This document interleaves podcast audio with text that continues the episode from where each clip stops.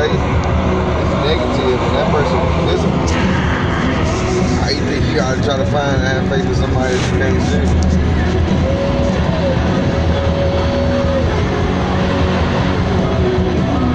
So what would you say would be a, a, a process in order to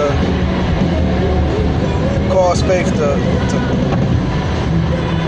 A process, yeah, first experience encounter with the one that you have faith in. Rather it's through somebody else, through the man of God, but it gotta be some type of exposure to the faith. Or a reason to have faith. Rather somebody saying, Well, I have faith in this happening or pastor encourages them to have faith in one situation and it fails. There has to be an encounter.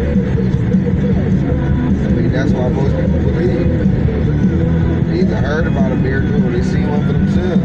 yeah. At some point, you exposed. That's the first step. The second step is relationship.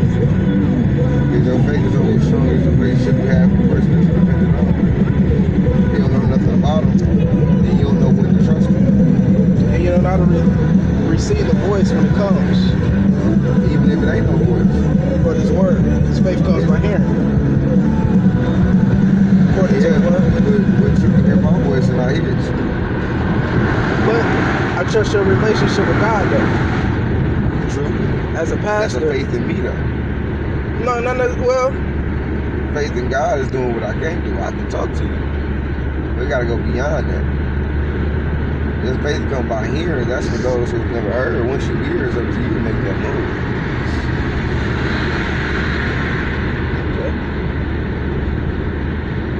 I can do so much. If you just hearing, hearing, hearing, you gonna get nowhere. so what about the catalyst of faith, Abraham, who in Genesis chapter 12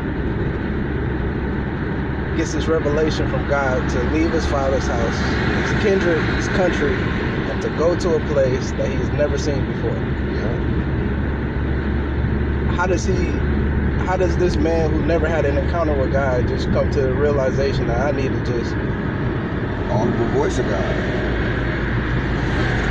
I ain't know. I, was an audible voice that told God, according to scripture. Yeah.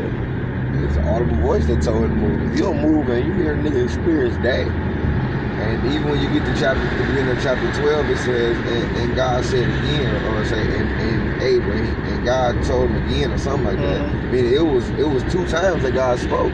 Because the first time when he told him to leave, he didn't go far. He took his father with him. Then his father died. Then he told him again, listen, I told you to go. Leave everything. So it was that it was that first encounter. And then the exposure was, I told you to do something, you didn't do it your daddy died.